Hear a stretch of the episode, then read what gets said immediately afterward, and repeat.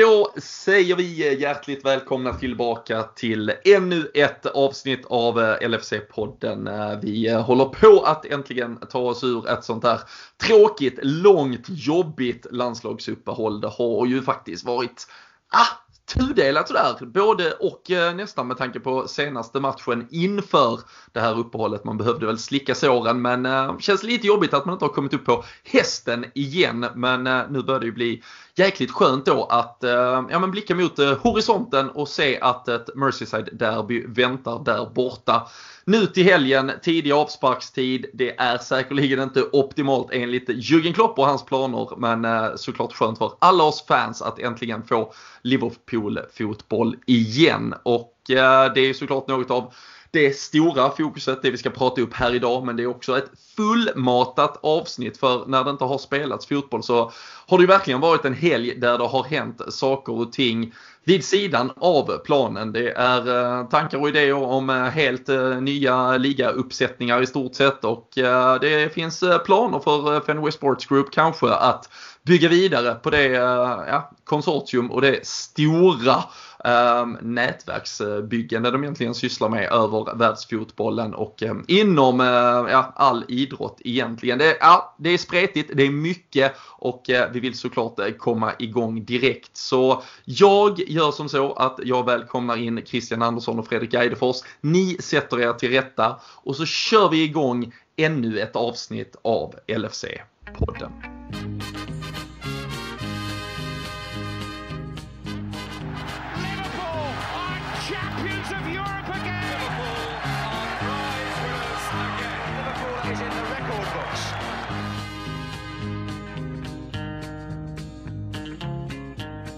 Jajamensan, eh, då är vi äntligen här igen eh, Christian och eh, Fredrik. Vi börjar ehm, ja, hierarkiskt höll jag på att säga, men det är inte så vi klassar den geografiska rangen kanske. Men längst upp åtminstone med Christian i Norrköping. Hur är läget med dig? Det är bra tack. Det är höst nu och kallare men jag gillar ju den här tiden på året eftersom att eh, Premier League är full gång. Nu har det varit landslagsuppehåll vilket inte ligger mig nära hjärtat. Men eh, nu på lördag drar det igång igen och då tycker jag att det är skönt när det blir lite mörkare och härligt ute med frisk luft. Så att det, det känns fint faktiskt.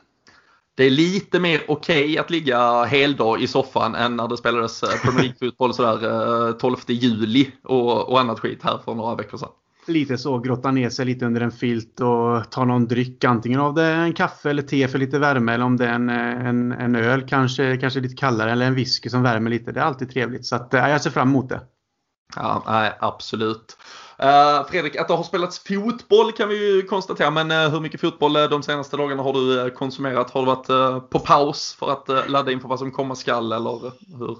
Ja, alltså man kan ju säga att det avsnittet som du och jag spelade in där för att bryta ner vad vi, jag vet inte, behöver vi ens nämna vad vi snackade om det förra gången. Det var, det, det var jobbigt. Det är, det är glömt. Bra, då mm. tar vi inte det. Eh, nej, jag har faktiskt eh, för en gångs skull eh, någonsin, jag kommer inte ihåg senast, faktiskt tagit en, en ordentlig paus från, från fotboll och jag har egentligen inte kollat någonting alls i, när det gäller Nations League eller eh, för jag gissar att det är det som håller på nu va? Jag skojar inte när jag säger det. Men jag, jag tror du, att det är det. Det är inte säkert heller. För det har varit EM-playoffer, det har varit träningsmatcher ja, okay. och det har varit Nations League. Och sen är det sydamerikanskt VM-kval tror jag fan det är de håller på med också. Så Vad det är helt är skillnaden? Ja, det är inte lätt. I alla fall här i Europa har jag inte den blekaste aning om. Jag, jag, jag ska veta eller jag vet fortfarande inte vad Nations League vad det innebär. Men jag kollade ibland eh, när det har varit. Men den här gången har det faktiskt varit uppehåll. Jag tror att eh, den här förlusten tog ganska hårt på mig som vi pratade om. Men eh, jag är 100% redo att eh, tänka på Everton som kommer här längre fram och så lite annat vi ska prata om såklart. Ja. Ja, det är, jag kände, alltså jag har ju heller ingen förståelse för eh, Nations League och med all respekt så har jag inte heller riktigt försökt förstå det. Men jag kände att den sista droppen av intresse, alltså ett försök till intresse rann ur mig när jag fick se en tabell från en Nations League-grupp från förra året där då Bosnien hade tagit, jag tror det var 10 poäng, Nordirland 0 poäng men ändå möttes de i ett playoff nu där Nordirland slog ut Bosnien så att de är närmare. Då, då får inte jag ihop det längre i alla fall. Så nej, då, Ja, nej, jag har faktiskt också äh, tagit en, en välbehövlig paus men äh, man känner ju, äh, man känner, redan i, framförallt igår började man känna att det liksom taggade till. Men så skönt nästan att få en, en extra dag för att äh, ladda upp inför det här avsnittet. Så nu är man ju ruskigt taggad.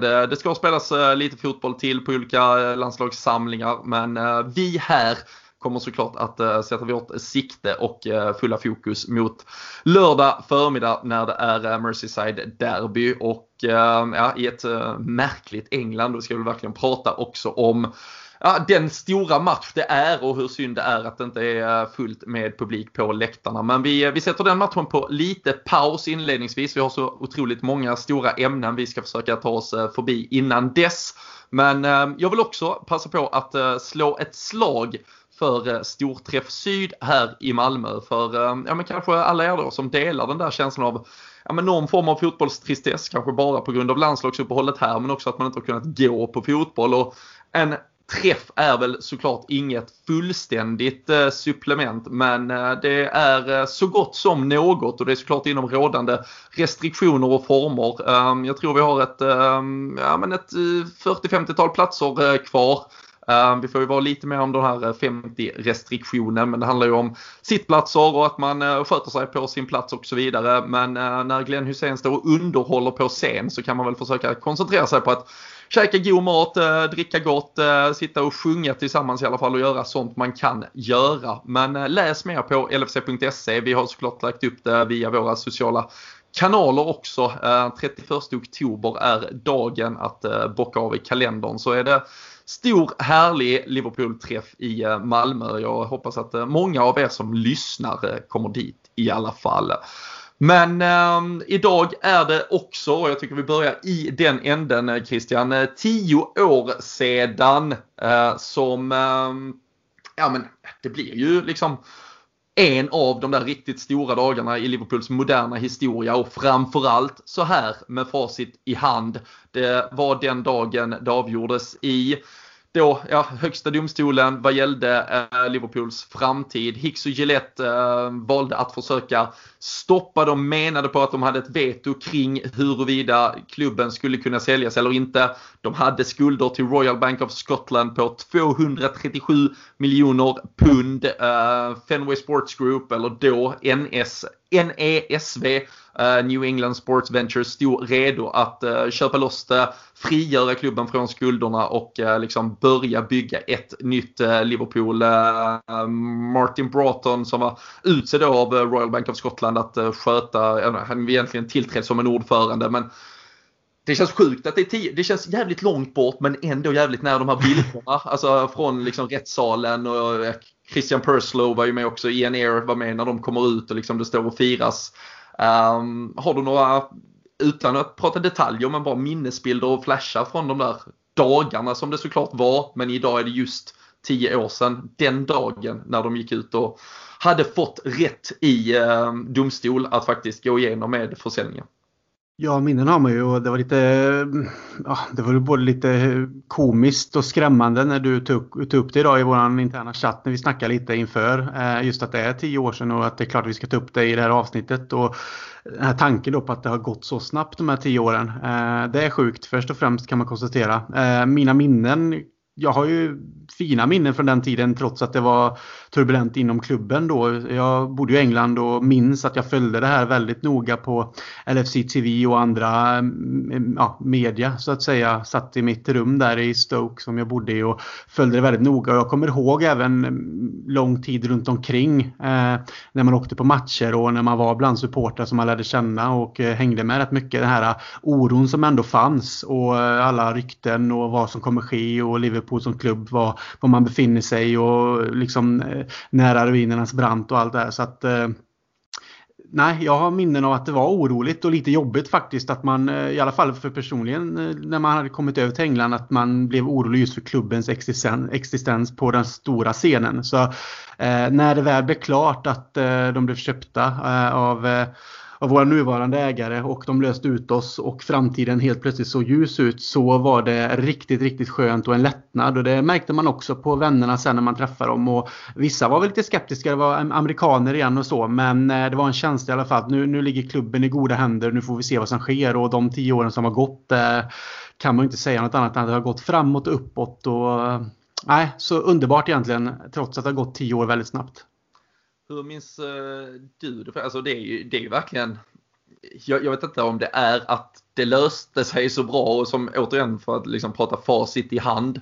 Men äh, det här alltså rättegången det var ju då onsdagen äh, den gången den, den 13 oktober. Och äh, fredagen där den 15 oktober så hade ju alltså klubben äh, tvångsinlöst i äh, ja, men, administration, alltså rekonstruktion någonstans. Royal Bank of Scotland hade tagit över egentligen ägandet och eh, börjat en eh, ja, omkonstruktion av eh, klubben. Vi hade fått 9 poängs avdrag och det är ju alltså natten, vi är ju inne på torsdagen. Rättsprocessen avslutas egentligen på onsdagen men det är först torsdag natt någonstans som det dessutom för då har ju Hicks och Gillette gjort en överklagan till en, ja, en, en utomstående domstol i Texas för att försöka förhindra och förhala saker och ting. Men Fredrik, minns du hur jävla illa det var eller var man så upptagen med hur jävla illa det var på fotbollsplanen?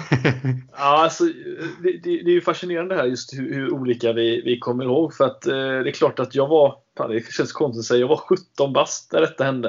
Det var 10 år sedan. Eh, det är klart att man var man är tillräckligt gammal för att förstå vad som kan hända. Alltså, jag är inget barn liksom. Men ändå så, så vet jag att lite så som du nämnde att jag jag var fortfarande lite mer eh, så pass sent var det ändå så att jag var, visste ändå vad som kunde hända och jag var liksom ändå med på den delen. Men jag var absolut mer inne på liksom hur illa, hur besviken man var som fotbollssupporter under den perioden. Men jag kommer väldigt väl ihåg just när nyheten bröt ut. Det vill säga när jag fick reda på att det var, liksom var färdigt och att Liverpool liksom har i situationen räddats då som det ändå blev. Och eh, det var just en konstig känsla för man, det var så ovisst som Christian sa. Man visste liksom inte, man var orolig på något sätt som man aldrig varit förut. Jag tänkte att men det kan hända Liverpool, men det är ju det är ju laget som farsan sa till mig att man skulle hålla på liksom från när han var ung och kollade om. Det är ju det här laget liksom. Och så var man så nära men ah, jag, jag, tror inte, jag tror väldigt ens namn att inte jag personligen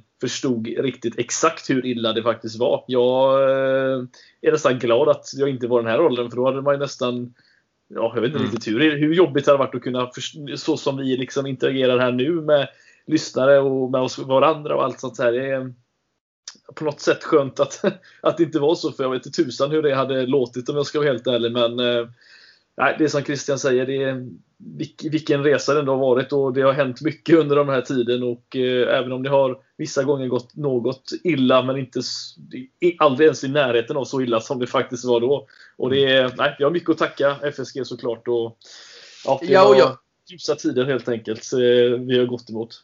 Ja men precis och jag tror alltså jag, jag minns det ju också som att man hade ju den där inställningen att nej men det kan ju inte hända. Alltså, vi är, vi är ju för stora för att falla eh, så att säga. Och med facit i hand, det var vi kanske. Eh, det, det blev ju en lösning och eh, det blev ju en, för oss supportrar en, en väldigt, väldigt bra lösning. Men man, man, man måste nog samtidigt komma ihåg hur jävla eh, dels usla och, och fan på gränsen till sinnessjuka. Alltså, Hicks och Gillette var och eh, liksom eh, vilka medel de var beredda att, eh, att ta sig till. Ehm, det här sista de gör liksom när de inte, de får när de förlorar i rättssalen i, i Liverpool då på onsdag förmiddag så, så får de dessutom tydliga order på att ni får inte ens överklaga den här domen. Nu har ni, ni har inget veto mot att stoppa en försäljning. Det var ju tillsatt då eftersom Martin Broughton hade kommit in från Royal Bank of Scotland så var de ju i majoritet då de som ville faktiskt Liverpools bästa i det där styrelserummet eh, med tre röster mot två och kunde börja eh, förhandla och eh, egentligen ta vilka beslut de ville. Eh, och det var också då Royal Bank of Scotland som egentligen kunde styra vilka de ville sälja till och att det inte längre handlade om pengar som skulle styra. Där fanns ju eh, dels den här Peter Lim, eh, en Singapore-kopplad eh, och sen så påstod i alla fall Hicks och Gillette att det hade funnits ett ytterligare bud som var på nästan 100 miljoner pund mer bara några veckor tidigare som hade tackats nej till och så vidare. Och sen när de då inte eh, ens får överklaga detta då, då går de istället alltså in och eh, stäm, alltså gör en motstämning mot direkt alltså de eh, ansvariga här, eh, Christian Perslow, Ian Air, Broughton, eh, hela det gänget och stämmer dem på 1,6 miljarder eh, pund eh, istället i den här jävla, eh, någon jävla eh, domstol i Dallas istället. Så det är alltså de var ju, alltså de var ju beredda att eh, go down with this ship liksom. Alltså de, för dem fanns ju inte Liverpool och eh, 100 år historia och eh, fotbollsfans eh, i miljontals världen över där och då. Och, och då spelar det ju tyvärr inte så jävla stor roll hur stor den här klubben är. Om det finns sånt folk på de positionerna som är beredda att göra saker. Så äh, det är väl för väl att det blev som det blev. Och det var ju jävligt slående. Jag satt och tittade igenom lite arkiv eh, från den där dagen och eh, i ett första uttalande från då Christian Perslow som var, eh, han var ju manager, managing director. Eh, det var på den tiden, Ian Ear var commercial director tror jag. Eh, sen steppade han ju upp i, i den rollen. Men då sa Perslow, eh, this is a great day for the club and will hopefully allow Liverpool to concentrate on football for the next 10 years. Eh, det kan man säga att vi gjorde Christian och det, det gick rätt bra därefter. Ja, det är ju ett uttalande som kommer leva med hela vägen. Det blir ju historiskt såklart sett till de senaste tio åren fram till idag då. Den vägen vi har tagit med våra nya ägare och eh, den eh, stöttningen de har gett oss och hela vägen med Brendan Rodgers och allt det också. Och sen innan dess Kenny Daglish. Alltså att hitta sin väg med Liverpool Football Club tills de till slut fick tag i Jürgen Klopp som de hade liksom ändå pekat ut som sitt eh, huvudmål och det Klopp sen har gjort med, med klubben. Så att eh, nej, vi ska vara oerhört tacksamma att de kom in och, och gjorde den här resan eh, verklig för oss. För eh, det som ni varit inne på, det var en eh, redig jävla soppa faktiskt. Och då var ju interna stridigheter mellan Gillette och Hicks också. Så det var ju, alltså, det som Fredrik sa innan, eh, även om eh, jag är några år äldre och man var väl 25 fyra då så eh, hade man inte kanske den insikten i det. Man visste att det var de oroliga tiderna men man visste kanske inte hur jävla illa det var på den nivån. Men nu när man kommit ut på andra sidan och allt man fått uppleva så kan man bara sitta och njuta av det. Så att eh, nej, eh, ibland så är det alltid en gyllene himmel. Så, sen, sen får vi inte glömma av också just det du nämnde. Alltså, ta han som Peter Linder exempelvis som som det pratades mycket om som sen därefter, alltså den resan han har gått. För jag vet att man satt ju nästan, alltså man hoppades väl egentligen på vad som helst än just Sixen ju rätt egentligen. Och det har ju, kolla hur det har gått för en, alltså vi ska ju vara så fruktansvärt glada hur det har gått här. Alltså det, är, det ska vi inte glömma av. Alltså det här är ju, om man summerar Liverpools historia, liksom hur, jag vet inte riktigt var den här hamnar, men den hamnar extremt högt upp på listan. Alltså om mm. inte högst upp nästan. Det är ju helt makalöst. Men nej, det har ju, där har det ju gått illa för honom. Alltså den vägen han har gått exempelvis. att det var många som pratade om honom att det här, är, det här blir säkert jättebra. Men det har inte gått så bra. Valencia ser vi ju de hur det har gått för dem och han har ju gått en väldigt konstig väg där på vägen. Så vi ska vara glada att vi fick dem vi fick och det, det får vi väl ändå säga att vi är va? Mm. Ja, men herregud ja. Och eh, sen vet man ju för sig, alltså det, det kanske var något tvetydigt där i Christian Perslows uh, uttalande. För uh, ganska exakt då tio år efter, då är han ju faktiskt Chief Executive i Aston Villa. Så det kanske var där vi skulle landa efter tio år. Och att det var en tvåla dit oss med 7-2. Helt enkelt. Ja. Men, Nej, en eh, cirkelslutning eh, på många sätt och vis. Det var faktiskt väldigt kul för jag hittade bland annat, eh, det finns ju massvis såklart med rapportering från den här dagen. Men The Guardian hade en uh, liveblogg. De började, de skriver själv i rätt många tillfällen. Ja, vi började 8.30 och tänkte att vi skulle få ett domstolsbeslut här klockan 12. Så tror jag sista rapporteringen kommer liksom tre på natten istället. vilket såklart bara det summerar väldigt mycket av vilken vilken galen eh, dag eh, det, det, hela blev. Men eh, där, är, där är liksom när det ändå har blivit klart att eh, dörren är öppen för att den här försäljningen ska kunna eh, gå igenom. Eh, då har de en första kommentar där de har pratat med en, en Red Sox eh, supporter. Eh, tänk för att få perspektivet på liksom vad FSG gav dem och vad de eventuellt då liksom skulle kunna göra för, för Liverpool.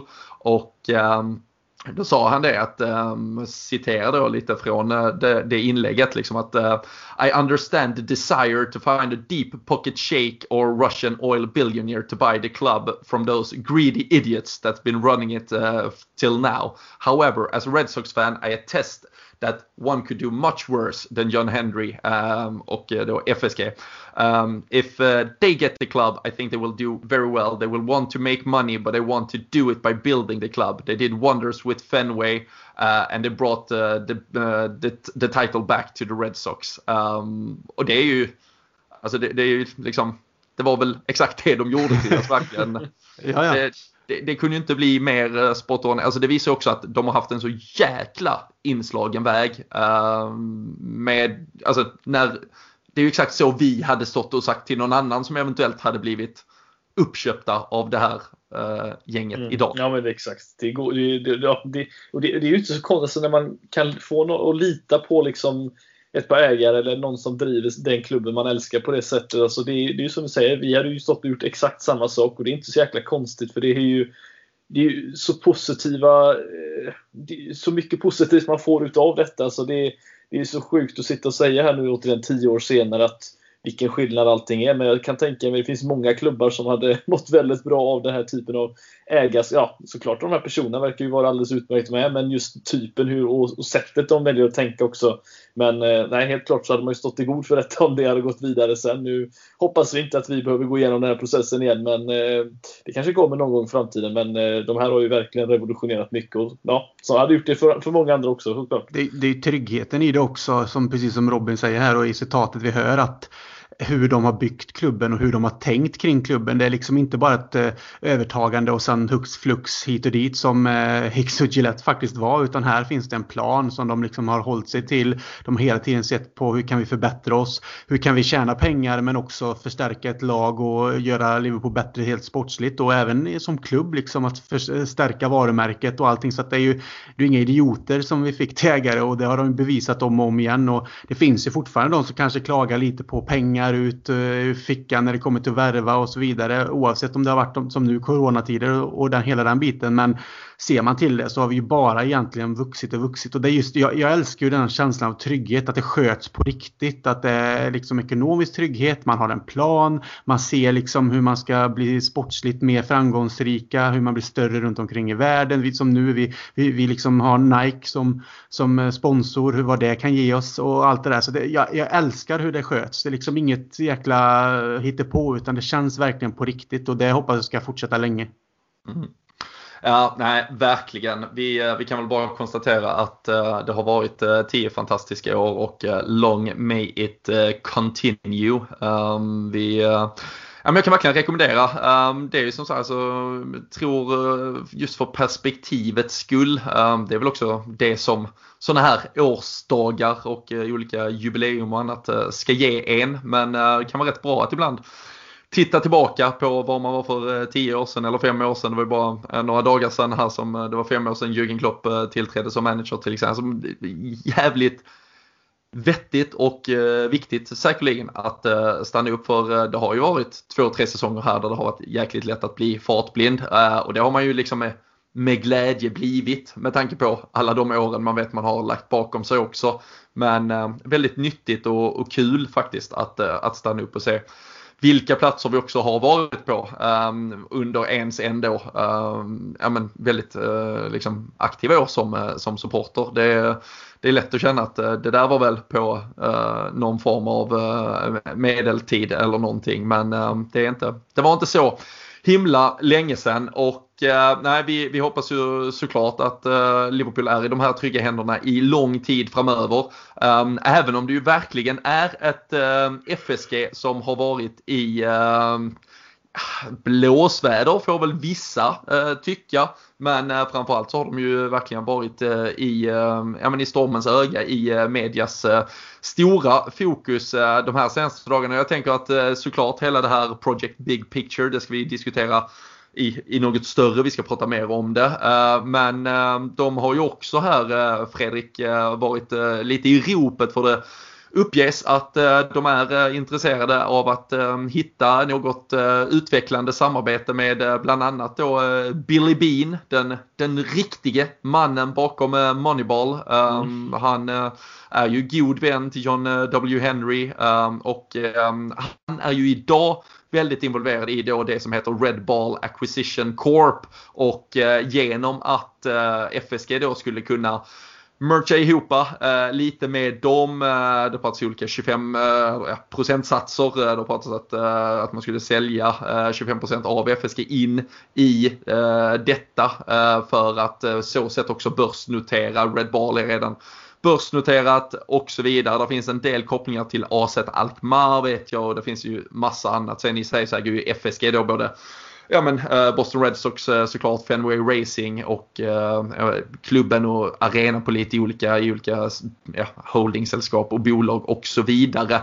Men är det nästa steg för FSG tror du? Att bygger vi, vi har ju, ja, vi har ju sett Manchester City är ju ett jo. exempel på ja, hur man har gjort det här med Citizen Corp heter väl det huvudägarbolaget i, i den konstellationen till exempel. Ja, precis. Alltså, jag tycker den här, det är absolut ett väldigt intressant ämne att, att diskutera. Jag sitter här och, och, har faktiskt sen jag läste nyheten och suttit och försökt nästan komma på fler fördelar eller nackdelar vad jag kan komma på egentligen. Men alltså ser man så som City har gjort det så det är ju rätt många klubbar de uppe. Jag vet inte hur många de är uppe i nu. Det är väl en eh, det är en, rätt typ många, 10 tror jag. Ja, ja precis. några av dem är dessutom inga sådana här korplag direkt utan det är liksom lag eh, som spelar i några av de högsta ligorna. Så det är, det är klart att, att, att kunna använda sina unga spelare möjligtvis och flytta däremellan. Jag vet inte om det är något som, något som City har valt att, att fokusera mycket på. Att kunna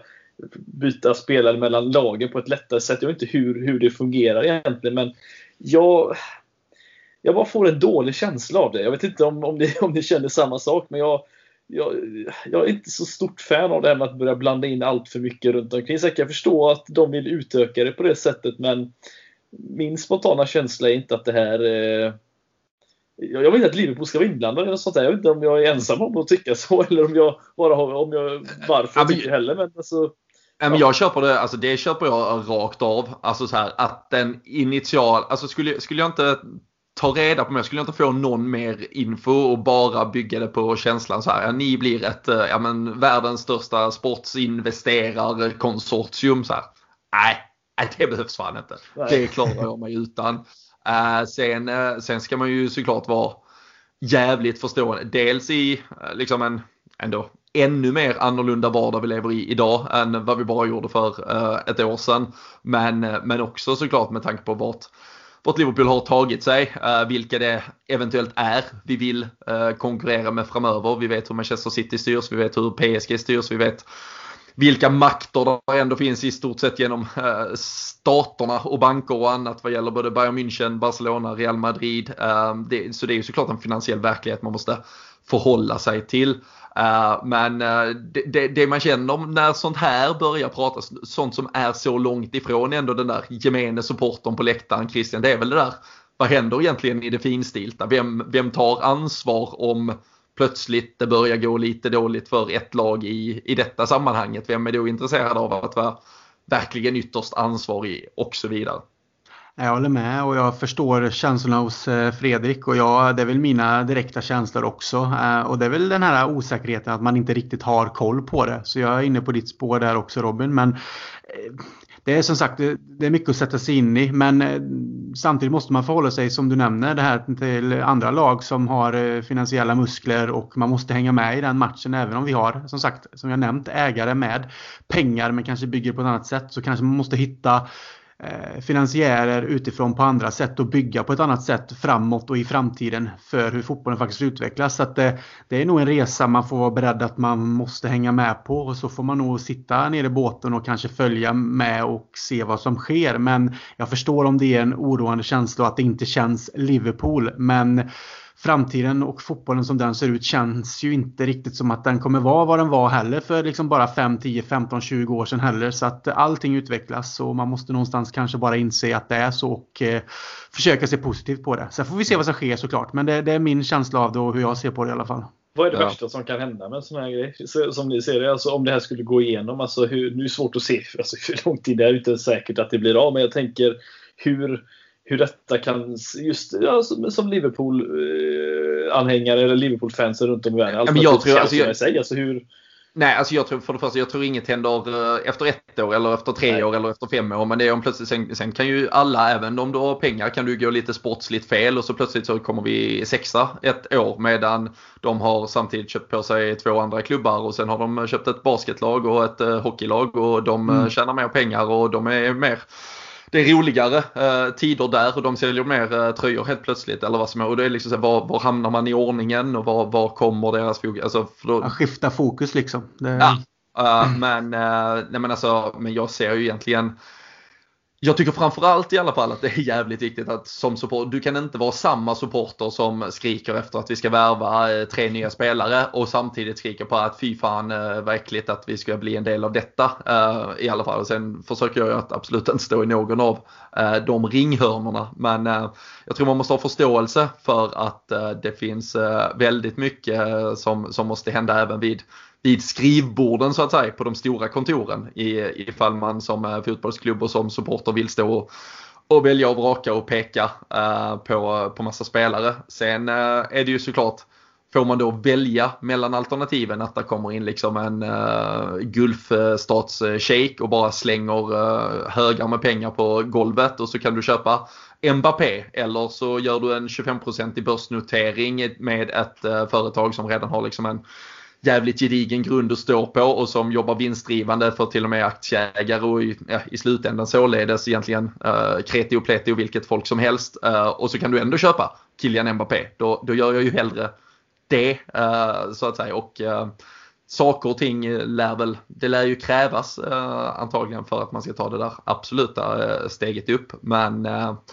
vi är ju i väldigt välskötta händer just nu. Ehm, det, det, är väl en liten, ett litet sidospår än så länge och något vi, om det liksom ehm, ja, ja, blir något av det eh, får, eh, får landa tillbaka i och eh, titta, titta närmre på de förutsättningarna. Det är ju än så länge också ganska luddigt exakt vilka vem som skulle styra vad i ett sådant sammanhang och hur liksom den exakta rangordningen eh, skulle se ut och vem som, eh, exakt hur framförallt Liverpool påverkas av det. Så det är fortfarande FSG så pass mycket mer också än eh, bara Liverpool. Men eh, Ja, eh, det är ju inte ens det Fredrik de har eh, fått eh, mest väsen av kring Du bara släpper här... bomb efter bomb här nu känner jag. Det är, ja, men det är, det är ju fan alltså, liksom, bara liksom så här tio år sedan den här dagen. Det, det känns ju som att det hade räckt för att FSG skulle få sin beskärda del av hela höstens egentligen snack om dem i podden. Vi försöker väl koncentrera oss till fotbollen och sen plötsligt så ska de delsäljas och börsnoteras och när man då trodde att eh, det skulle vara piken allting. Nej, då har de eh, förhandlat med eh, Glazers i tre år om att förändra engelsk fotboll från grunden och det har skakat till i fundamenten borta på öarna. Ja, det är som sagt man hinner knappt sätta sig och läsa sig in på en stor grej som en nyhet och så kommer en annan och det här är ju Ja, det här är väl på något sätt en, en, större grej med tanke på att det här känns ju, i och med att det har pågått nu då som du säger, så känns ju det här mer konkret än vad det andra gör just nu i alla fall. Eh, sen vet jag inte mycket hur, hur mycket som krävs eh, och, och, hur lång tid vi pratar det är kvar innan man kan börja göra sådana här olika beslutsfattande. Jag gissar att vi kommer komma in lite på vad det här innebär. Men, eh... ja, men jag, precis, nu, jag, jag gick ju lite hem så jag bara ja, kastade över den till dig. Uh, och jag tror ju att alla där hemma som lyssnar har ju säkert liksom, nåtts på något sätt av ja, men nyheten eller informationen och i alla fall liksom, vissa av grundpelarna i hela det här förslaget som då har kommit fram. Um, som är då, ja, men, det är ju en uh, enorm förändring av liksom engelsk liga högsta fotboll egentligen. Hela e-, engelska uh, proffsligasystemet och väldigt mycket därtill och uh, något som då har diskuterats mellan då uh, Fenway Sports Group och uh, Glazer-familjen här, Manchester United ägarna. Ehm, men där det då också har ja, men snabbats på och verkligen blivit högaktuellt i samband med den ja, men ekonomiskt otroligt utsatta situation som framförallt klubbar i lägre divisioner äh, står inför. Äh, dels i, i, ett England som redan varit drabbade ja, men länge, precis lika länge som, som hela äh, världen stort sett sen i våras, men där det då dessutom ser ser ganska tufft ut just nu och man inte alls verkar ha en, en, en bra och tydlig plan på, på när det kan bli en verklighet med, med fans på arenor till exempel igen. Men eh, vi kan ta lite kortfattat. Eh, återigen, det finns också jättebra på till exempel lfc.se. Eh, översatt också. Jag förstår att inte alla kanske kan navigera sig i, i engelskan vad gäller exakt vissa eh, detaljer och så vidare. Men jag tycker lfc.se har gjort ett jättebra jobb att sammanställa det där och eh, det finns ju väldigt många fler punkter i det här förslaget än de vi kanske behöver nödvändigtvis, eh, nödvändigtvis ta upp och eh, diskutera här. Men man skulle ju bland annat eh, frigöra 250 miljoner pund eh, som direkt skulle betalas till eh, EFL, alltså ligasystemet under Premier League för att kompensera eh, klubbar eh, för matchintäkter de har gått miste om den här tiden. Um, samtidigt vill man ge 100 miljoner pund till FA för att hjälpa dem. Um, man vill också att 25% av Premier Leagues intäkter ska gå ner i EFL-klubbarna framöver. Jag tror den siffran är på 4% uh, eh, idag. Um, sen vill man ju däremot att ligacupen och Community Shield ska strykas. Man vill att Premier League ska bantas från 20 till 18 lag. Det ska bara vara två som åker direkt ur varje säsong lag 16 skulle i så fall få kvala. Um, idag så har man ju också det här med One Club One Vote. Det ska ju vara dessutom en stor majoritet. 14 av 20 lag ska ju rösta för förändringar i ligasystemet till exempel som om man röstade om bytena uh, och så vidare inför uppstarten den här säsongen. Uh, men där skulle man ju då från, i det här nya förslaget göra att endast de nio längst längst varande klubbarna i eh, Premier League upp till dags dato eh, så att säga skulle vara de som bestämde och sen skulle det räcka att sex av de nio klubbarna eh, röstade för då så, så att det skulle vara majoritet. Och där, där ligger ju då alla de sex så att säga Big Six klubbarna Um, ehm, det skulle också uh, ja, förändras lite kring hur man kunde låna spelare och det skulle också Uh, göras en lite tydligare FFP-granskning likt Uefas system uh, fast från uh, att Premier League då kan ett kontinuerligt egentligen granska klubbarnas ekonomi. Det ska sättas av pengar för arenaförbättringar och så vidare och så vidare. Bortasupportrar vill man faktiskt premiera ganska mycket. Man vill att de ska ha lägre biljettpriser, eh, fasta låga priser eh, och också att eh, lite större plats av arenan ges faktiskt till borta fansen och sådär. Så det är ju ett det är ju ett enormt ja, system och det är också så här när skulle detta kunna träda i kraft? Vad skulle kunna hända? Det är någon form av mellanting tror jag är min känsla i alla fall mot att toppklubbarna annars skulle vara beredda att liksom bege sig ut på ett större försök att faktiskt skapa den där superligan eh, som det har eh, tisslats och tasslats om i det känns ju som eh, minst 10 år också, säkert ännu längre. Men eh, Christian, i en djungel av liksom eventuella förändringar och förslag så får man väl ändå konstatera att det, det är något jävla mellanting också känslomässigt man sitter med till, till hela det här upplägget. Ja, jag är beredd att hålla med dig där att eh, mycket av det du nämner låter ju faktiskt väldigt positivt. Just de här ekonomiska stöden längre ner i seriesystemen och det var väl 6% också som skulle göra eh, från Premier Leagues bruttointäkter och som skulle betala för arenaförbättringar i de fyra högsta divisionerna och sånt. Och det finns ju många arenor i England som behöver kanske den hjälpen och klubbar som kan få de pengarna för att göra just de förändringarna på sina arenor. Och, eh, Eh, just för att hjälpa klubbarna med som har lidit oerhört den här tiden med Corona. Så det finns mycket positivt i det men jag förstår ju också att man måste kanske vända blad och också läsa in sig på vad som kan vara det dåliga. Så jag är helt inne på dina känslor att man landar i något mellanting. Att det låter väldigt bra men vad är det som kan vara negativt också? Och det, det kanske man inte riktigt har fått smaka på ännu. Eh, vet jag att det har Eh, hörts rätt så mycket på sociala medier och annat från eh, supportrar till andra klubbar som tycker liksom att eh, både Liverpool och Manchester United i det här läget då som har gått tillsammans har någonstans tagit sig friheten till att kanske då skapa mer makt till de större klubbarna i Premier League och att det ska bli si och så. Eh, jag förstår det och jag ser det och de känslorna också. Men eh, jag tror att man måste fortsätta att läsa in sig och ta reda på mer innan man kan säga mer. Men Eh, Eh, det låter positivt många delar av det just i de tiderna vi nu lever. Att man faktiskt ser till många klubbars bästa och inte bara eh, Premier Leagues toppklubbar och den ekonomin de har. Utan man faktiskt ser längre ner. För det är ju många klubbar som går på knäna just här och nu. Och eh, det vore jävligt tråkigt och tragiskt om eh, många klassiska småklubbar som kanske var större förr men som också är på väg uppåt men inte riktigt har de ekonomiska musklerna faktiskt försvinner på grund av den pandemin vi går igenom. Det, kan man hjälpa och stötta så är jag för det. Sen får man väl som sagt se lite på andra delar också längre fram. Mm. Vi kan väl konstatera Fredrik att i alla fall eh, förslagen att man skrotar ligacupen och Community Shield skriver vi under på. Eh, jättegärna. Det känns som att det här är en uh, fråga som borde lyfts tidigare. Men, nej, men det, det, det borde vara fokus. Den, den är liksom etta. Så här, att rädda klubbar sekundärt. Att vi ja, precis. Stryk skiten. Ja, nej, men jag, det, absolut. Alltså det, det här, jag kan säga att några av de här punkterna är ju man kan ju, vi pratade lite om det innan vi började spela hemma, just det här med hur spelare nu har det blivit väldigt intensivt och, och, lite vila för många. Visst, det har varit ett konstigt år, eh, eller halvår i alla fall. Eh, och jag tänker på just det här med ja, mindre turneringar, färre lag i Premier League. Det är mindre matchande, det är mindre matcher eh, som det potentiellt även innebär. Och, eh, vi har ju sett spelare eh, uttrycka sig om att de eh, Alltså, hur bra, hur, ja, det, det, det, är mycket. Alltså det, som sagt, de, de utsätts ju för, de är, visst de är ju människor de också i slutändan och de är professionella men det, det de, när, när tog Sadio Mané liksom ledigt senast? Han säger att han inte behöver det men vi vet ju att våran älskade Mané behöver vila han med. Det, det finns ju många grejer som är positiva såklart. Eh, för, då tänker jag på nu är det ju rätt mycket matchande i Championship visserligen. Det är ju rätt många matcher där också så att det, det för Premier League Ja, det, fin, finns mycket positivt men eh, det är som sagt, det ska ju mycket till här för att eh, jag vet inte riktigt vad det innebär också att nio klubbar ska bestämma mycket mer hur illa eller hur bra det kan bli. Det, det får vi återstå och se såklart. Men eh, det är som du säger, det finns några bra punkter här som man absolut skriver på.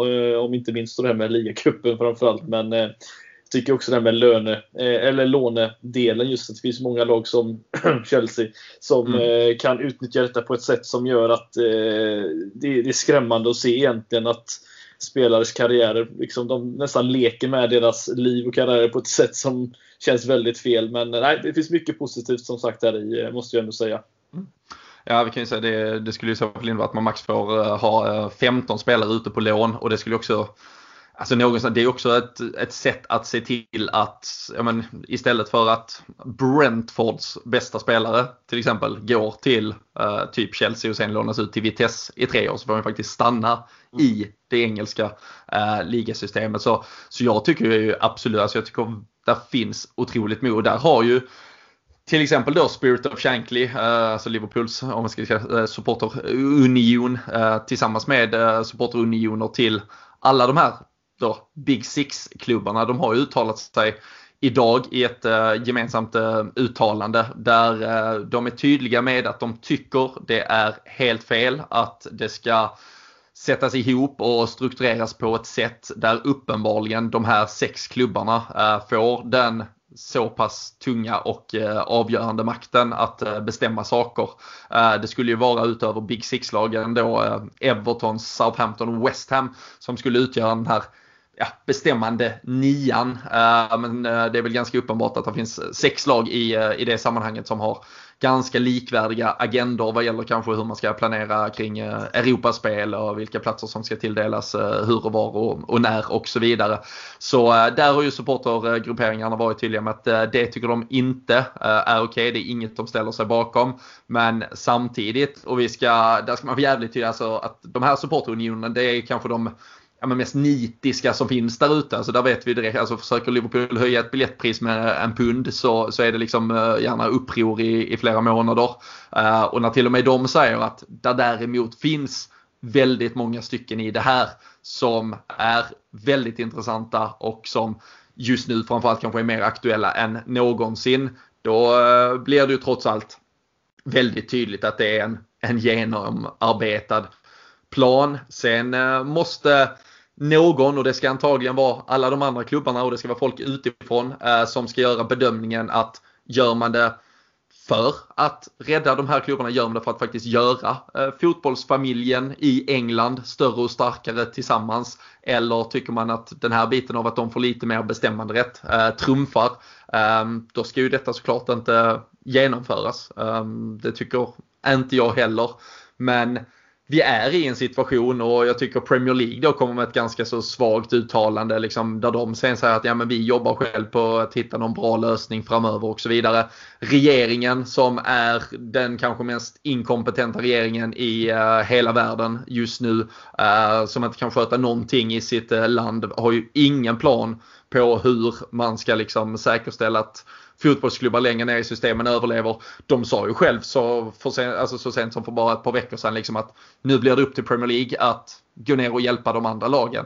Och vad fan är det, alltså det är ju, alltså Ja, det hade ju varit jättefint men det var också någon som ute, jag tror det var Steve Parrish eh, på, i Crystal Palace, eh, som så ofta förr, han brukar vara ute och uttala sig, men som sa liksom, alltså nämn en annan eh, alltså företagsverksamhet där du ska försöka rädda dina konkurrenter. Alltså, han skrev det ju på ett sätt, han förklarar ju det som att det är klart att vi vill få den här fotbollsfamiljen att överleva men om, om det är ett lag över mig, alltså om det finns ett företag som normalt sett konkurrerar om dina kunder och de går i konkurs så är ju det i regel positivt för dig. Eh, sen är det såklart att vi ska värdera in jävligt många fler mjuka värden och eh, något helt annat när det kommer till fotboll. Men jag förstår ju också klubbarna som står där som några fåntrattar som knappt överlever själva och så ska de få andra att överleva samtidigt. Ehm, utan att då varken regering eller Premier League just nu i alla fall har en tydlig plan på hur det ska göras.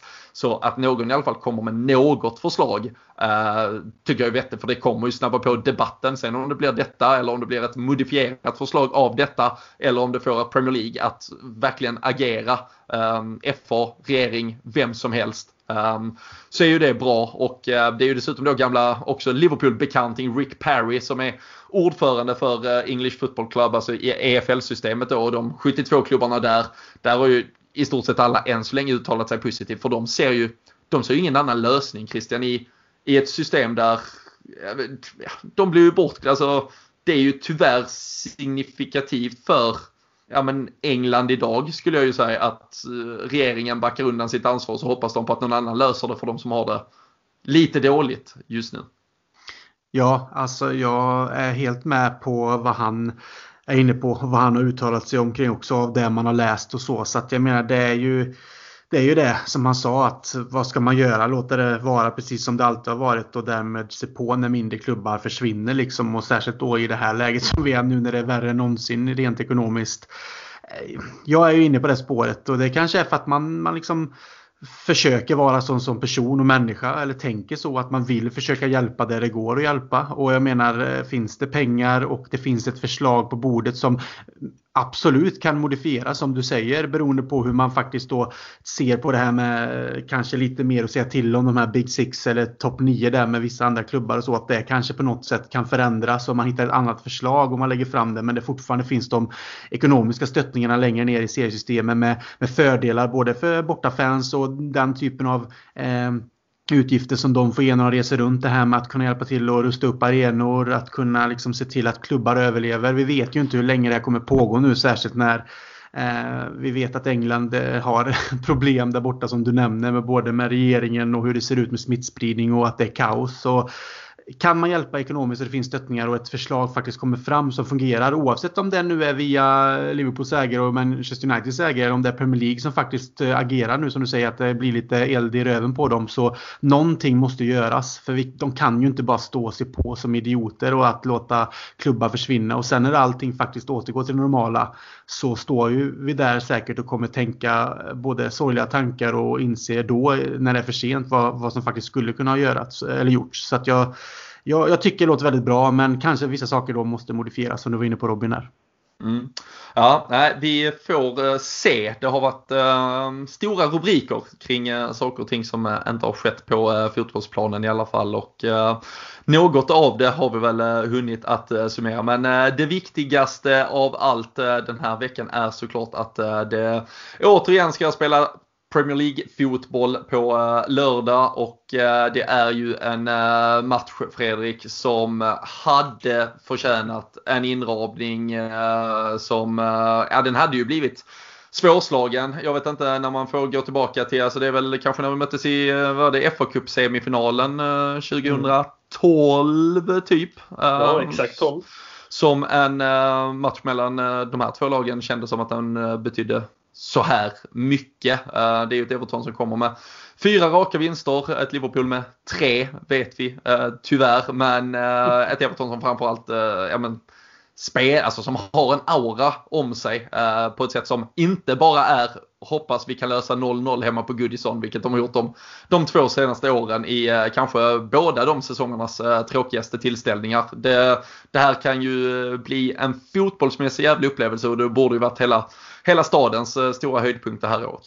Ja, det blir vi, eller vi säger jag delvis, men framförallt de på plats berövade på på eh, helt klart en, en av de eh, mäktigaste matcherna som hade spelats i den här staden på, på många år i alla fall. Och, Nej, det, det, som du säger, det, det är länge sedan nästan det känns som att en bortamatch på Goodison var, hade varit så här liksom, det har varit så mycket atmosfär och alltså man kan nästan ta på stämningen även om det inte finns någon här nu så vet man ju hur det hade låtit om eh, från TV-soffan liksom. Alltså fansen har varit, det har kokat där inne och det har varit en sån där perfekt match för ja, en sån där match som, man hade, som Mané avgjorde du vet, i 94 minuten på bortaplan. Det har varit perfekt för honom att göra en likadan grej och, och liksom vinna, vinna det derbyt på det sättet. Och, nej, det blir ju ingenting sånt. Men eh, helt klart som du säger, ett Everton som är...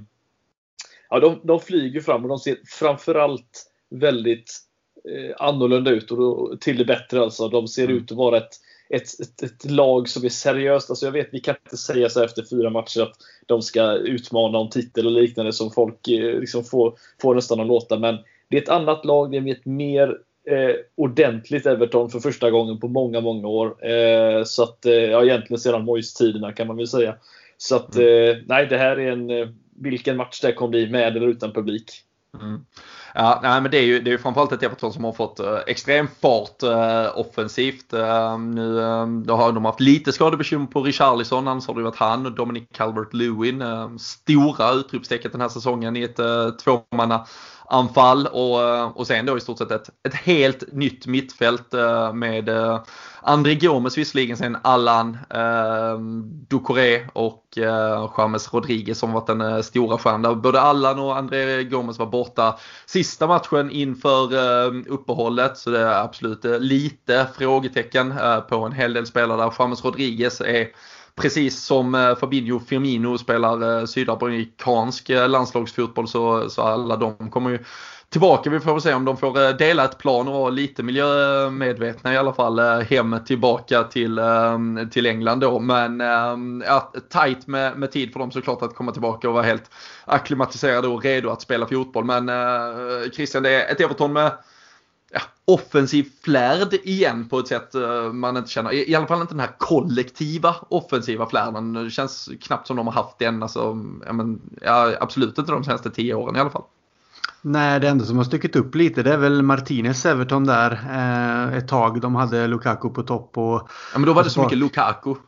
ja, alltså, det är sant. Var... Men, men det, jag tyckte ändå att det, där fanns det ju någonting som man trodde att de kunde bygga vidare på. Men de, de ska man kalla det, de dansade en, en säsong eller två och sen försvann ju det. Eh, eh Angelotti känns som att han har eh, fått ihop en grupp på ett helt annat sätt och hittat någon helt annan dynamik. Eh, så att eh, jag tycker absolut så som Everton har startat att eh, jag, ska, jag är med Fredrik. Man ska inte räkna med att de kanske kommer vara, ut, vara med och utmana direkt hela vägen. Men de kommer absolut sätta många käppar i hjulet för många klubbar och de kommer kunna bygga på det fina de har börjat med och att de har ett stabilt lag med duktiga spelare och en, en riktig målskytt nu med som det ser ut. Eh, så att, eh, jag trodde du skulle säga en riktig målvakt men det hade jag ju satt, satt nej Ja, det är väl om eh, svensk Robin Olsen ska ja, ja, precis. Ja, nej, så att jag, jag tycker liksom att det, det, ska bli väldigt spännande på lördag. Jag är kanske på första gången på länge faktiskt väldigt nervös inför matchen. Det är på bortaplan, visst det finns inga fans på,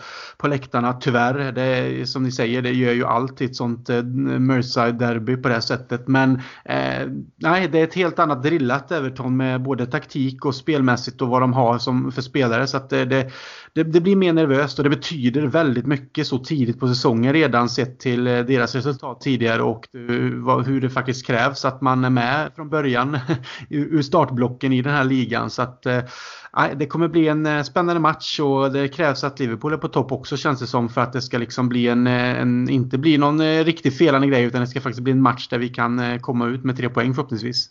Mm.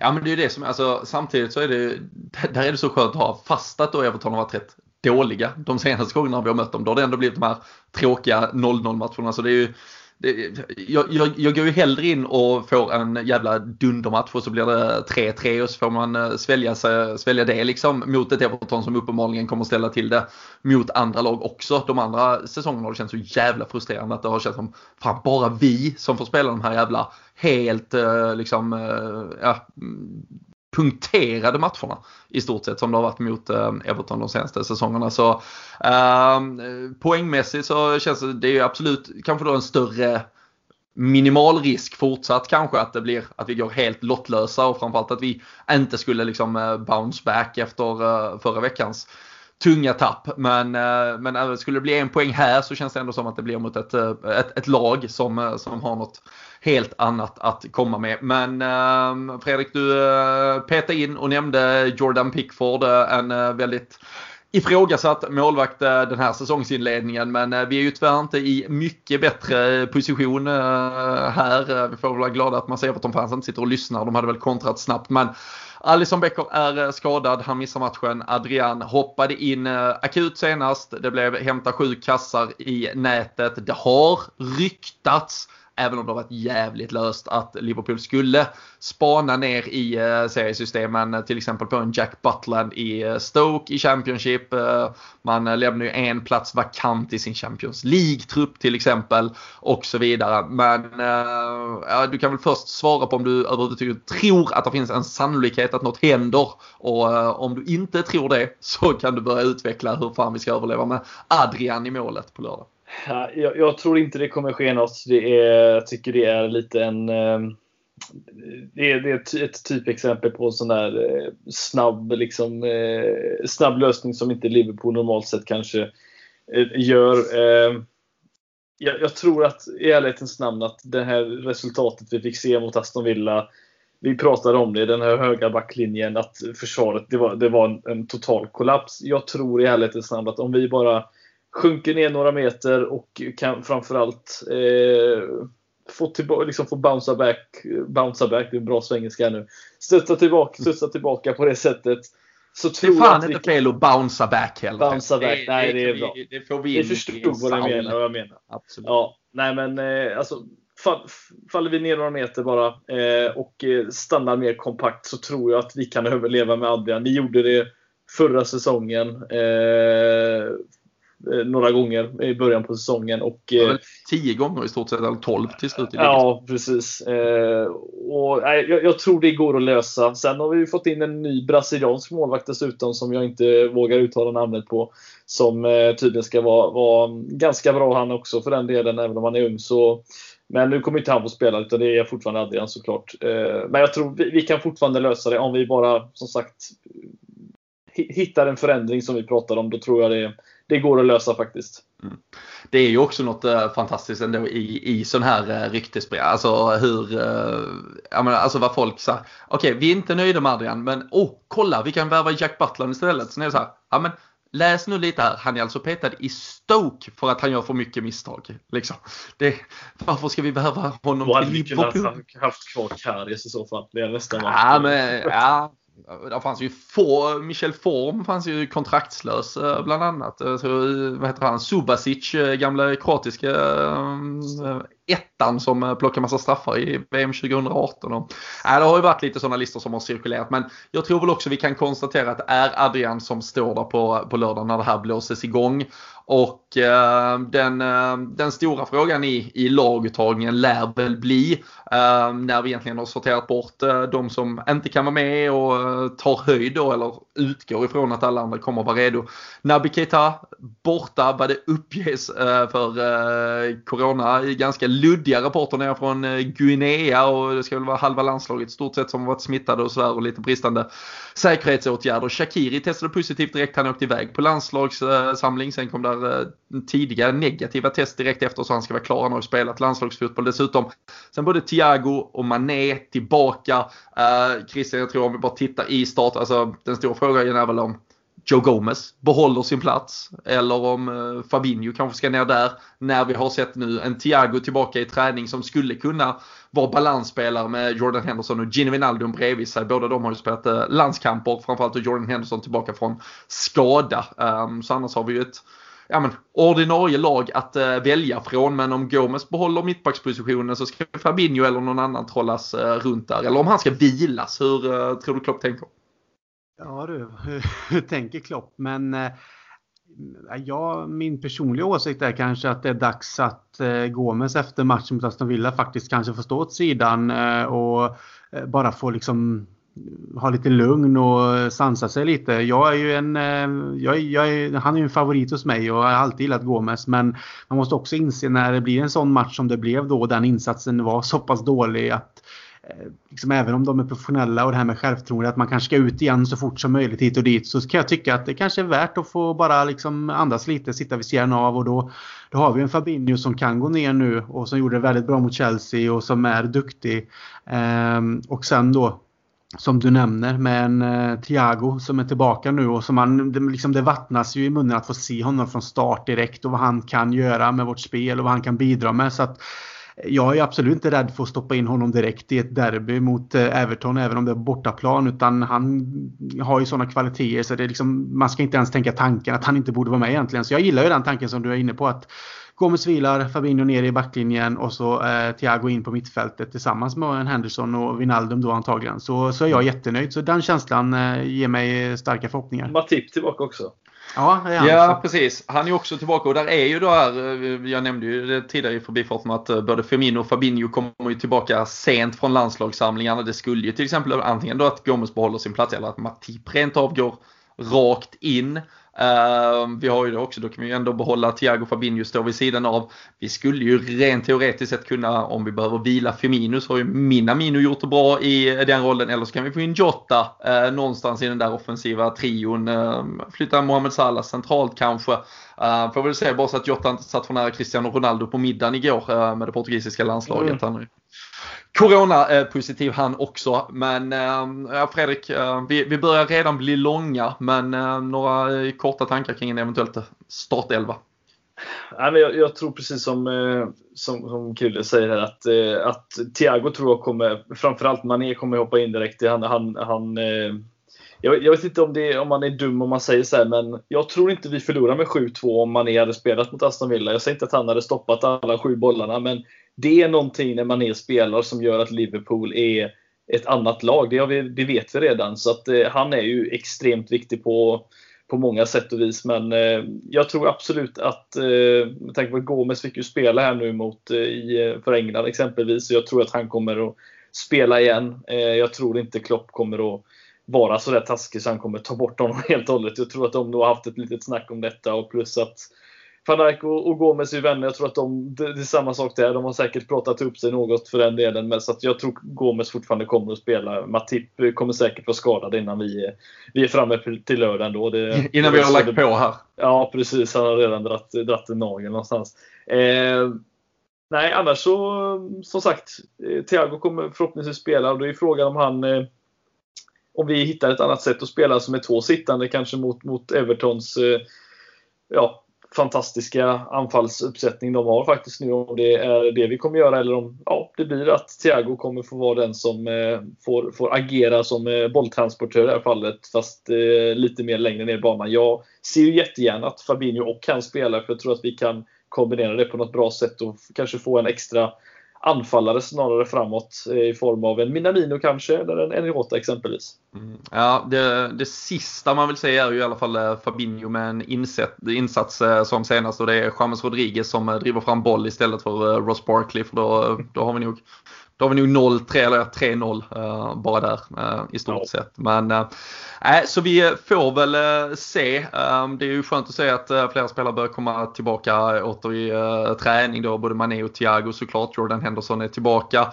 Um, så får vi väl se där lite mer bekräftad information på, på Naby Keita. Men vi, kan ju, vi räknar bort honom tills vidare. Eh, och så hoppas vi ju att eh, inga andra eh, skador på de här sista matcherna eller andra fall vad gäller sjukdomar och, och så vidare drabbar oss. Det är skönt att se att till exempel Thiago, Salah och Mané redan är på Melwood och tränar för sig själva i alla fall. De hålls väl i, i, i bubblan så får vi väl klara oss med lite B-lagsspelare och dem ifall det skulle skita sig big time. Men vi kan ju också passa på måste vi göra. Det kom ju precis här eh, medan vi satt eh, och gratulera Curtis Jones som har eh, blivit uppflyttad från engelska u landslaget där han gör sin första samling till engelska A-landslaget. Det är fan en annan kurva än på dig och mig Krille, där det bara går nerför nu på ålderns höst. Ja, nej, det är fantastiskt. Det är ju grymt kul att se. Och, jag menar, man har ju kanske inte följt Curtis Jones från början. Jag vet ju att när Gerard var i klubben och eh, hade hand om eh, U18 eller vad det var så eh, snackades ju väldigt mycket om Curtis Jones och att han var en eh, exceptionell talang och att det fanns mycket där. Och sen har det egentligen bara av farten flygit fram. Han har liksom gjort sig ett namn, kommit fram och vi supportrar har fått se honom. Han har bevisat sig i den högsta av engelska ligorna i Premier League och liksom gjort det jäkligt bra. Och så helt plötsligt är han i U21-landslaget och nu i A-landslaget. Så att det är ju kometkarriär direkt. Och det är som vi har konstaterat, han, han är en talangfull spelare som jag hoppas kommer fortsätta utvecklas så här starkt och eh, inom en snar framtid ta en plats på Liverpool mitt, Liverpools mittfält. För han har många fina kvaliteter och så är han ju en local lad också, vilket jag tycker om. Även om man i den moderna fotbollen måste se till vad, vad som krävs för att hålla sig på eh, den högsta nivån. Men det är alltid roligt om vi har till exempel en Trent och Curtis Jones i laget som någonstans kan representera Liverpool på det sättet. Så mm. nej, skitkul faktiskt. Ja, och eh, det gick ju helt okej okay senast han eh, startade mot eh, Everton annars. Och tryckte upp bollen i krysset i det där fa cup avgörandet Men äh, vi får väl se. Det, äh, det känns ju så jävla spännande det här derbyt på, på alla sätt och vis. Och äh, det skulle ju vara ett ja, men än mer eh, statement då att eh, trycka till Everton eh, med dels med det uppumpade bröstet de har. Det ska de ha. De har inlett fantastiskt men extra viktigt och liksom ännu mer betydelsefulla poäng ifall man skulle ta dem. Sen spelar ju City på, på eftermiddagen efteråt där mot ett Arsenal som ändå har visat sig kunna ställa till det för, för rätt många och City som kanske får klara sig utan Kevin De Bruyne vad det ser ut som nu här. Det är en, ja, men det är en märklig start på många sätt och vis och alla slår alla lite till höger och vänster. Så men det är just det som det jag skulle varit, säga, att ja. spelschemat här som alltså, vi har ju haft alltså, kollar man på de lagen, alltså Leeds, Arsenal, Chelsea, okej okay, Villa då och sen ett Everton vi har haft här nu. Alltså kan vi komma ur det här med, ja, säg då tre vinster, en förlust och ett kryss exempelvis om det är så att vi respekterar Everton så högt. Alltså, Ja, det är ju lag som i stort sett har vunnit alla sina andra matcher. Alltså ja. Villa har ju vunnit alla sina matcher. Arsenal ja. har vunnit alla förutom mot oss. Uh, Chelsea mm. har vunnit alla förutom ett kryss uh, och så då mot oss. Och, ja. och sen uh, Leeds, förutom då ett kryss mot City, så har de också vunnit sina andra matcher. Alltså, så det, nej, jag, jag, tror man, man ska nog ha fan lite respekt för att vi har haft en rätt så tuff Och nu, sen har vi då Sheffield United och West Ham hemma um, efter uh, det här derbyt. Ja, West Ham är också tuffa vet du. Det är, de går som ah, tåget nu. Fan, nu är det snart inga, inga lag kvar vi kan ta poäng mot. Det börjar se nej. illa ut. Och så Rian Brewster är ju faktiskt såld så han får ju spela mot oss i Sheffield United. Ja, lite skadad nu men jag tror han kommer tillbaka till dess i alla fall. Sen, sen är det där, eller sen är det City. Som, ja, ja, ja, ni hör, vi, det, nu är vi långt framme. Men uh, vi längtar ju efter fotboll. Uh, så det är klart att vi uh, svävar iväg och eh, vi hoppas att ni har stått ut och kanske rent av vid några tillfällen njutit när det har blivit lite, lite extra långt här idag. Men snart är det dags för derby och då ska man väl ha så här mycket surr i sig. Jag ska alldeles strax låta herrarna dessutom eh, tippa utgången av eh, helgens match. Men slår väl ändå ett eh, sista ytterligare slag. Nu börjar vi prata West Ham som låg där och lura ett par eh, veckor fram i tiden. Men det är ju då vi har eh, Storträff Syd i Malmö den eh, 31 oktober. På lfc.se kan ni läsa mer om hur ni lägger beslag på några av de där eh, sista platserna. Eller så följer man LFC-podden på, eh, på Twitter till exempel. Eller eh, håller koll på supporterklubbens Facebook eller lite, lite överallt. Det finns eh, där ni vill att informationen ska finnas i stort sett. Och jag tycker också faktiskt att ni ska spana in på Twitter framförallt då på vårt konto där eh, en ny jäkligt eh, snygg Steven Gerrard-tavla när han står med eh, Champions League-pokalen från 2005, klassisk bild och den finns nu i ny tappning av Art by Dutti. De hjälpte oss att ta fram en jävligt cool Jordan Henderson-tavla här i samband med Eh, Premier League-lyftandet eh, i somras och nu har de då släppt den här eh, uh, Gerard-tavlan. Eh, slår man till på Jordan Henderson så är det ju eh, jävla pangläge att köra de två dubbla bredvid varandra. Annars Så kanske man känner att man har lite mer kärlek för den store Captain Fantastic och då är det ju han som ska pryda höstväggen där hemma. Men eh, in och kika på eh, Twitter eh, för mer information. Och dessutom så går 96 kronor till Hillsborough Justice Campaign. Det är Art by Duttis lilla tack tillbaka till att vi pushar ut infon om denna nya snygga tavla. Så nej, stort rektips på det. Men nu vill jag ha rektips från Christian först och främst hur derbyt slutar på lördag. Jag är ju inne på att Liverpool måste ju studsa tillbaka starkt efter Aston Villa-matchen och med Mané tillbaka, Thiago tillbaka, eh, Fabinho och Gomes, hur vi än väljer att se det på den sidan, så känner jag väl att det är dags också att, att göra det eh, tillbakastudset och så mot Everton. Så att min känsla någonstans är att det kommer bli tufft, men att vi går och vinner med 1-2 då. Det äh, låter tajt och jobbigt, men äh, vi kan väl ta det om det är så det slutar i slutändan. Fredrik, vågar du vara segeroptimist? mitt tipp med. Alltså. ja, men det är bra. Det är okej. Det är okej. Men det, det, är ju tråkigt att tippa likadant. Och man är, ju tillbaka. Eh, jag gissar på målrikt 2-3. 2-3, 1-2. Då säger jag att vi vinner 2-0 och Adrian spikar igen. Ah, han står fan på huvudet den här matchen. Alltså, tre, tre ruggiga räddningar. Det, det kommer ja. vara en som kallas eh, en Gordon Banks-räddning på eh, liksom Calvert eh, Lewin nick ner vid stolproten. Det, ja. det, är en eh, ruskigt putsad spåkula eh, här nere kan jag säga. Jag har suttit hela veckan och gnuggat den. Alltså, nej, ni hör vad vi eh, tror eller åtminstone hoppas. Eh, ni ska såklart eh, tänka till med era hjärnor lika mycket som era hjärtan och glida in på vår Twitter-sida på matchdag lördag.